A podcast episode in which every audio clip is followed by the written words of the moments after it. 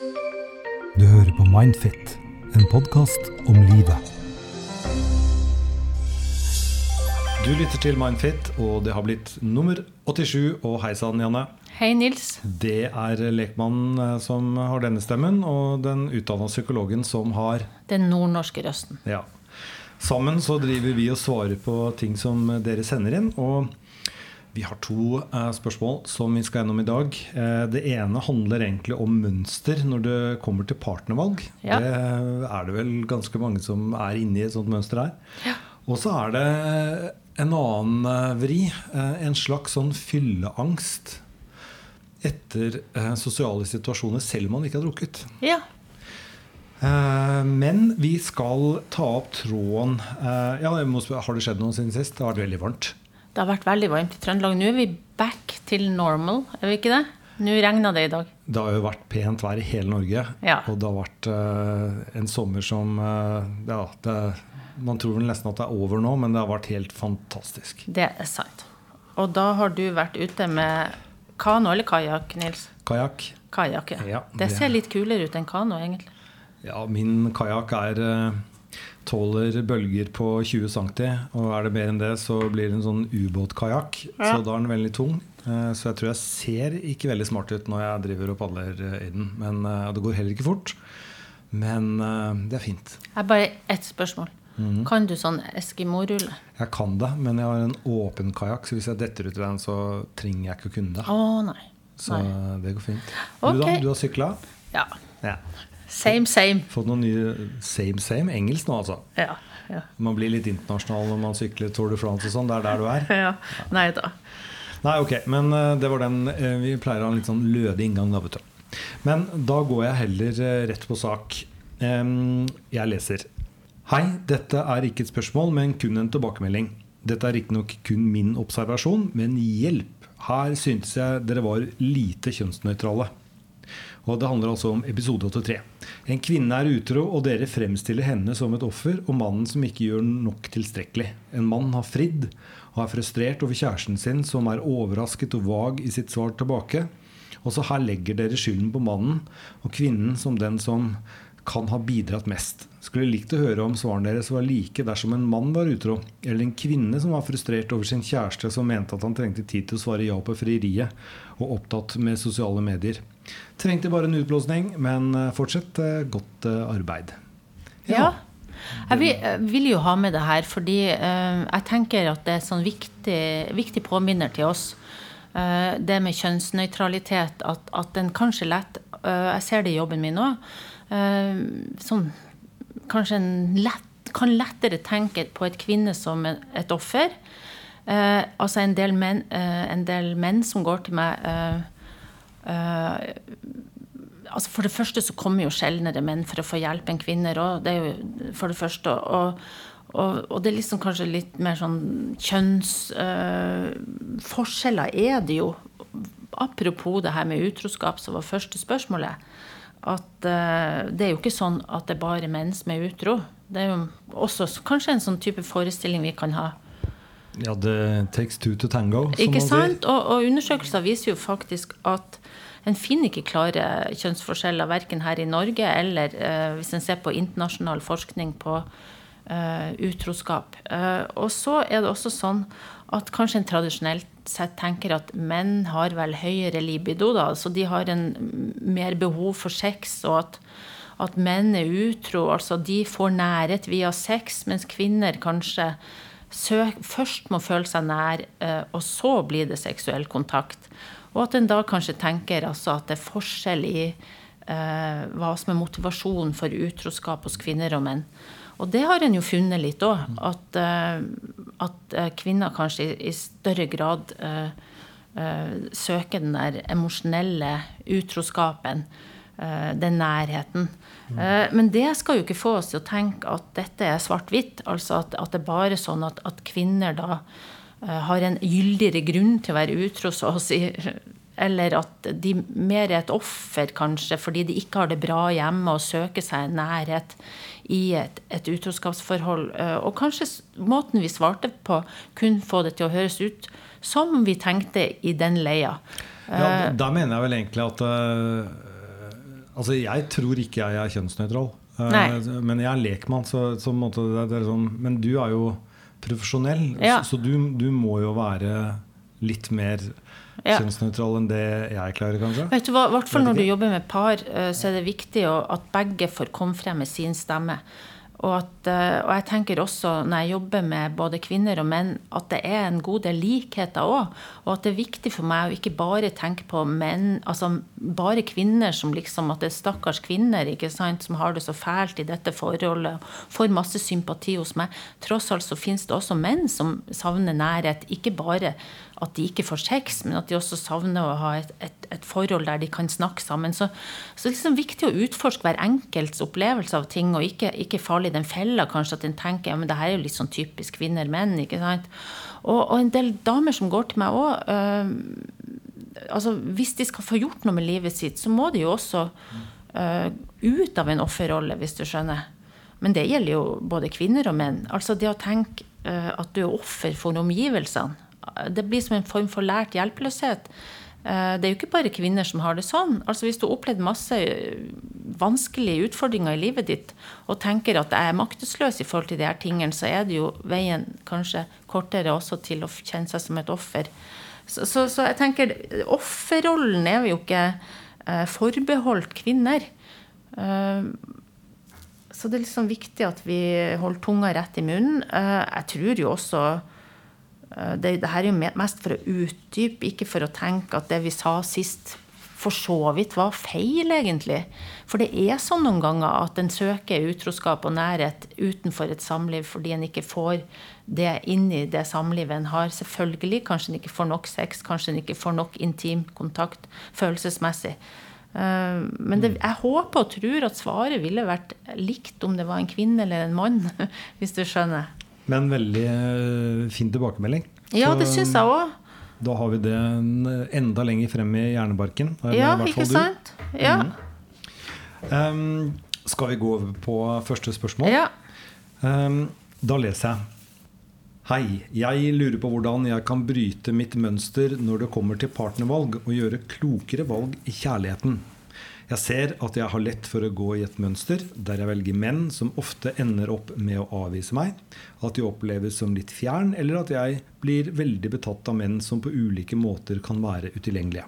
Gjennom årene har jeg gradvis blitt klar over hvordan barndommen min påvirker kjærlighetslivet mitt i dag. Jeg er oppvokst med en fraværende far, der jeg gjennom barndommen alltid lengtet etter hans kjærlighet. Det er som om jeg velger menn som er lik faren min, i den forstand at de ikke er helt tilgjengelig for meg. Jeg gjør kanskje dette fordi det er noe kjent, selv om det tydeligvis ikke er bra for meg. Hvordan kan jeg endre dette? Jeg syntes intimitet kan være vanskelig, og er eh, redd for å gjøre meg avhengig av en partner. Det er akkurat som jeg, om jeg har lært meg at jeg ikke helt kan stole på at noen er der for meg. Jeg kjenner meg godt igjen i beskrivelsene av en unnvikende tilknytningsstil, da jeg lenge har latt være å gå inn i nære relasjoner fordi jeg tenker at jeg klarer meg best på egen hånd. Alt dette gjør at jeg blir stående i et dilemma, fordi jeg på den ene siden virkelig lengter etter nærhet, kjærlighet og et eh, parforhold. På den andre siden ser det ut som jeg velger menn som kan gi meg det jeg trenger i en slik relasjon. Jeg vet ikke hvordan jeg skal bryte det, eller finne en løsning på dilemmaet mitt. Jeg lurer på om jeg kan få noen tips og råd på veien, fordi nå er jeg lei av å velge feil i kjærligheten. Ja, velger eh, litt fraværende, utilgjengelige potensielle kjærester som eh, hun da tror kan eh, ha en eim av far.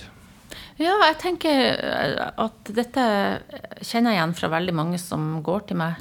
Mange som kommer til meg som sier at de er håpløse, håpløse i valg av partner. Og eh, nå er det jo mest kvinner som kommer i behandling. og Det betyr også at det er mest kvinner som kommer til meg med denne problemstillinga.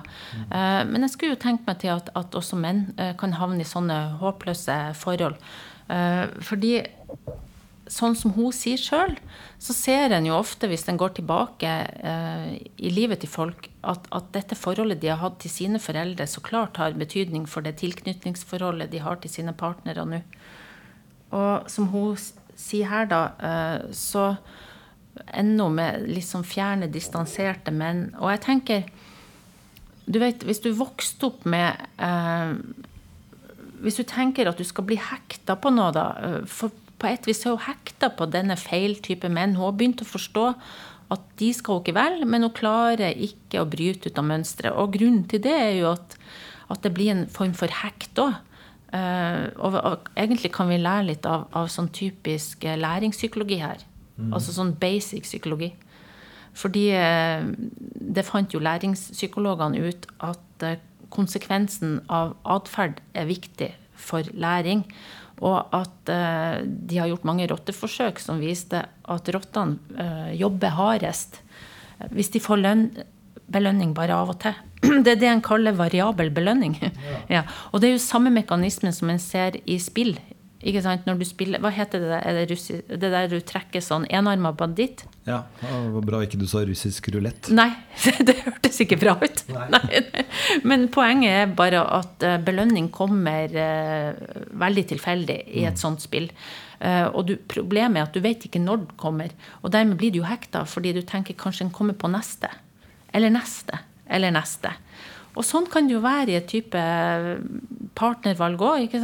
Du har en veldig distansert uh, partner. Uh, men innimellom kanskje han glimter til deg. Så da får du den belønningen som gjør at du holder ut. da. Og det ser jeg hos mange. At de blir litt sånn hekta, akkurat som en spillavhengig, rett og slett.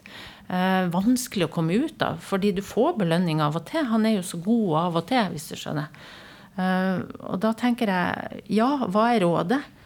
Jeg tror først og fremst se hva du holder på med. Og i tillegg, altså er du i en sånn hekt, det er ikke noe annet råd enn å komme seg ut av det. Du må nesten bare Altså det folk sitter med, de må nesten bare bestemme seg. Og så ser jeg jo at folk får tilbakefall òg, men de må prøve å holde seg veldig hard. Eh, fordi det som litt typisk skjer når du har en sånn partner du har valgt deg som er fraværende, er jo faktisk også sånn at litt typisk. Når du trekker deg tilbake, da blir de ivrig. Mm. Da får du plutselig den belønninga. Men så er du tilbake igjen, og da er de fraværende igjen. Sånn at mm. altså, Du havner i et sånt mønster der du aldri er ordentlig tilfredsstilt. Og samtidig dette er velkjent for deg fordi du er vokst opp med noe lignende. Så du, men, men, god på å holde det ut, hvis du skjønner. Hvis det, altså, vi aner jo ikke noe om detaljene her, men bare for moro skyld. Da. Hvis uh, vår innsender velger uh, langdistansekjærlighet uh, som hovedregel, altså at de skal minimum være tre land unna, nærmest, og at det kanskje blir litt krangling sånn når de da treffes, så ja. blir det en sånn selvoppfyllende profeti på at mannen til slutt skal avvise. Ja. Hvis det var sånn, så hadde ja. jo rådet vært eh, Kan du ikke prøve å finne noen i din samme by, så du ja. får ta bort den? Ja. Og så er det jo selvfølgelig ikke sikkert at det er sånn, men hvis, det, hvis, du, hvis du føler selv at du velger eh, potensielle partnere som du i utgangspunktet mener egentlig ikke går For det, altså, det er, dere er ikke kompatible, dere er utilgjengelige. Altså, da vet du innerst inne at dette er en dårlig idé. Så da må rådet være velg noen som du tror du kan gå med. Ja, og så er det jo det som er så vanskelig her, da. At uh, når uh, hvert fall nå må jeg snakke litt ut fra egen praksis. Når de som går til meg som har oppdaga at oi, jeg velger jo egentlig den samme avvisninga som jeg alltid har, har, blitt utsatt for, jeg må jo velge noe som gjør meg bedre, så får de seg en partner som er mer stabil. Og vet du hva som skjer da? Nei, da begynner de å kjede seg, kanskje? Ja, ja, ja. fordi det er så uvant òg. Uh, sånn at dette å ha noen som er trygg og tilgjengelig, er jo så uvant for deg. Du er egentlig litt vant til den der hekten på at du bare av og til får noe positivt, som gir mer lidenskap, kanskje, men det er ikke bra for deg på sikt.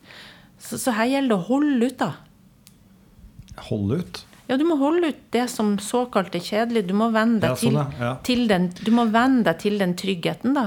Men vår innsender har skjønt det. Det ja. handler om å bryte mønsteret. Hun ser mønsteret, og da rådet Vær, vær crazy, bryt det. Ja, det er faktisk rådet. Uh, og så tenker jeg vil anbefale Sissel Gran sine bøker, som har skrevet veldig godt om akkurat det her. da. Ok, Sissel Gran. Eh, jeg tror boka den ene heter 'Hekta på kjærlighet', men jeg er litt usikker. Ja. Vi rekker vel en til, vi. Ja. Da leser jeg Hei, jeg har i hele min voksne alder hatt små dropp, eller det jeg vil kalle fylleangst, dagene etter sosiale situasjoner. Selv om det har vært helt uten alkohol, og jeg bare har kost meg og hatt det hyggelig. Men i det siste, og jeg kan bare gjette at det har noe å gjøre med at jeg har vært alene på hjemmekontoret i tre måneder, så har det blitt mye, mye verre. Nå sliter jeg med søvn, hjertebank og kvelningsfornemmelser. Jeg har et veldig aktivt sjelsliv og bruker bl.a. meditasjon for ro og kontakt med min egen underbevissthet. Men jeg klarer ikke å få kontakt med det som plager meg nå. Det føles rent fysisk, selv om jeg vet det må bunne i noe psykisk. Jeg tror det kan ha noe å gjøre med at jeg føler jeg ikke har fremstilt meg selv på riktig måte. Men jeg har mange gode venner som ikke forstår hva det er jeg prater om, når jeg nevner situasjoner der jeg skulle gjort eller sagt ting annerledes. Disse voldsomme dagene eller ukene etter morsomme, uskyldige sosiale samlinger har ført til at jeg vegrer meg fra å gå ut. Og dette tenker jeg bare gjør saken verre. Jeg opplever ikke problemet som altoppslukende, men jeg registrerer at det blir verre. Jeg er redd for at til slutt ikke orker eller klarer å oppsøke sosiale settinger i frykt for dagene som etterfølger. Jeg føler ikke problemene mine er store nok eh, til å hente inn hjelp gjennom legen min, her er terskelen ganske høy for meg, og jeg er vant til å finne ut av meg selv med ulike verktøy på egen hånd. Men burde jeg bekymre meg? Ja, jeg tror nå det er helt sant at, at, eh, denne koronapandemien som har gjort at du sitter på hjemmekontor i mange måneder, så klart eh, vil kunne forsterke et mønster som du allerede har. Fordi folk, for dette er ikke uvant for meg. Altså, det er flere som sier det samme til meg, at det føles som å ha fylleangst uten at jeg har drukket denne personen er ikke den første som sier det. Men er det sosial angst, det, da? Eh, ikke nødvendigvis. Noen er veldig selvkritisk. Altså Sosial angst handler jo om en, en grunnleggende sett eh, veldig bekymring for å dumme seg ut. Og folk, Det er jo grad av det, det kan du si. Sånn at folk som har det i veldig stor grad, de kan ikke spise mens andre ser på. De kan ikke Altså bare det å, å, å, være synlig i det hele tatt i et offentlig rom er veldig veldig vanskelig for dem. Og de er så redd for å dumme seg ut at, de, at, at det, det, blir så masse krefter går med på å se veldig veldig rolig ut.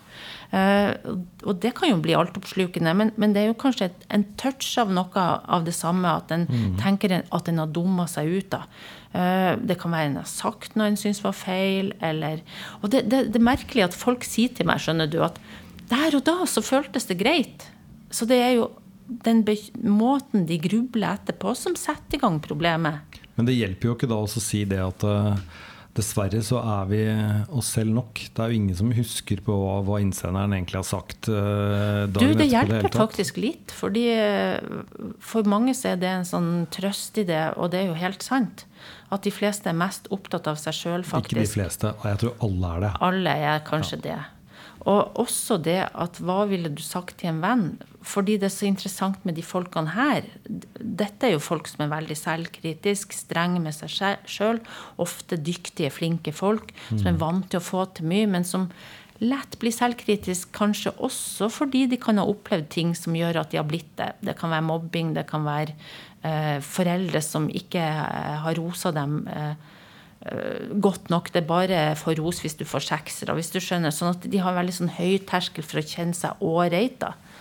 Og, og da er det jo sånn at, at, eh, at når de dagen etterpå setter seg ned og grubler, så, så, er det ikke sånn at de kommer på sjøl Eller de er jo ikke noe rause med seg sjøl, så de kommer jo ikke på uh, at kanskje noen andre sa noe dumt, eller, eller de, Ja, det var greit. For de er så utrolig rause med andre. Mm. Så den rausheten de har med andre, den, den, den, prøver å hjelpe dem til å få på seg sjøl. Altså hvis du skulle brukt en vennligere tone inn på deg sjøl, klappa deg sjøl litt mer på skuldra Hvis det var en venn som hadde gjort det, hva ville du sagt? Og for mange så gjør det inntrykk, men det er seiglivet, altså. De, de, de, de sier det. Jeg, jo da, jeg ser det, at jeg ville sagt noe annet til en venn, eller eh, men det gjelder ikke. De samme reglene gjelder ikke for meg. Så det, det, det her er noe som kan være vanskelig å komme ut av. Men denne innsenderen har et poeng. Det gjør bare saken verre å slutte å gå ut. Ja. Da kan angsten øke. Da mm. kan det jo være at du pådrar deg et større har, problem. Men da har angsten rett.